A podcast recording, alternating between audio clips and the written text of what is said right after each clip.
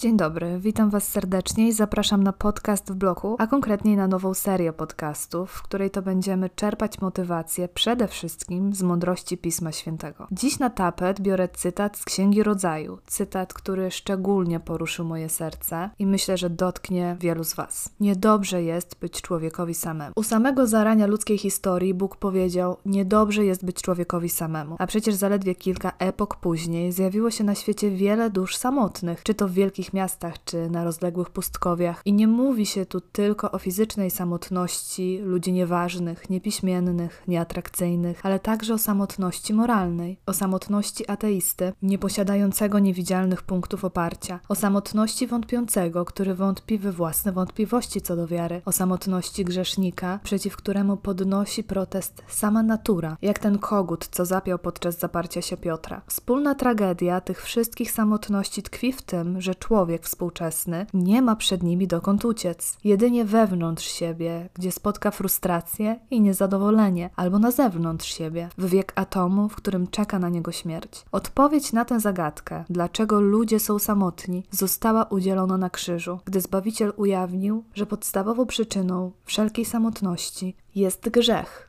przez grzech człowiek odrywa się od swojego bliźniego, od siebie samego, od tej doskonałości życia, prawdy i miłości, jaką jest Bóg. Wcielony Bóg przyjmuje na siebie cierpienie, by nigdy już nikt nie mógł pytać, dlaczego dobry cierpi, nie dostrzegając przy tym, że przez krzyż idzie się po koronę zwycięstwa – tak samo pozwalał on sobie na odczuwanie samotności grzechu, po to, by ludzie nigdy więcej nie popadali w rozpacz, nigdy się nie poddawali. To dlatego czwarte z jego ostatnich słów są krzykiem porzuconego, kiedy pyta on Boga.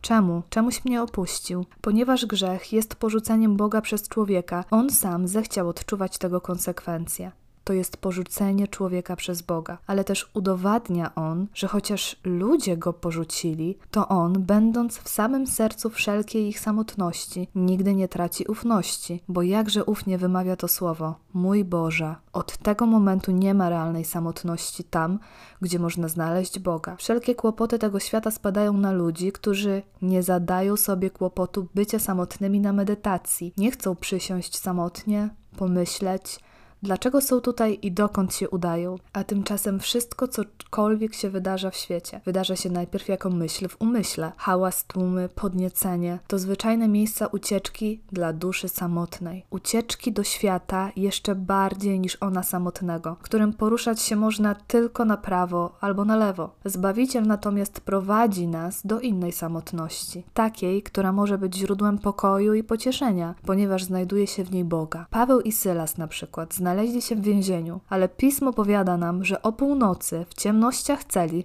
zaczęli śpiewać. Tylko dusze naładowane wielką wiarą mogą w niewoli podjąć śpiew. Tak jak tylko ci, co chodzą w ciemności, mają szansę w ogóle dostrzec gwiazdy. Jedyny opisany w Piśmie Świętym czas, w którym nasz Pan zaśpiewał, to ta bardzo samotna noc, w którą wychodził naprzeciw swojej śmierci. Te słowa, wypowiedziane przez wybitnego teologa arcybiskupa Shina, podsumowują w sposób precyzyjny istotę samotności człowieka, a w zasadzie poczucia samotności. Kochani, warto stanąć w prawdzie przed sobą samym i zastanowić się właśnie w tej samotności, czy naprawdę jestem sam. Wierzcie mi, że osoba żyjąca z duchem nigdy nie popada w rozpacz. Naprawdę nigdy.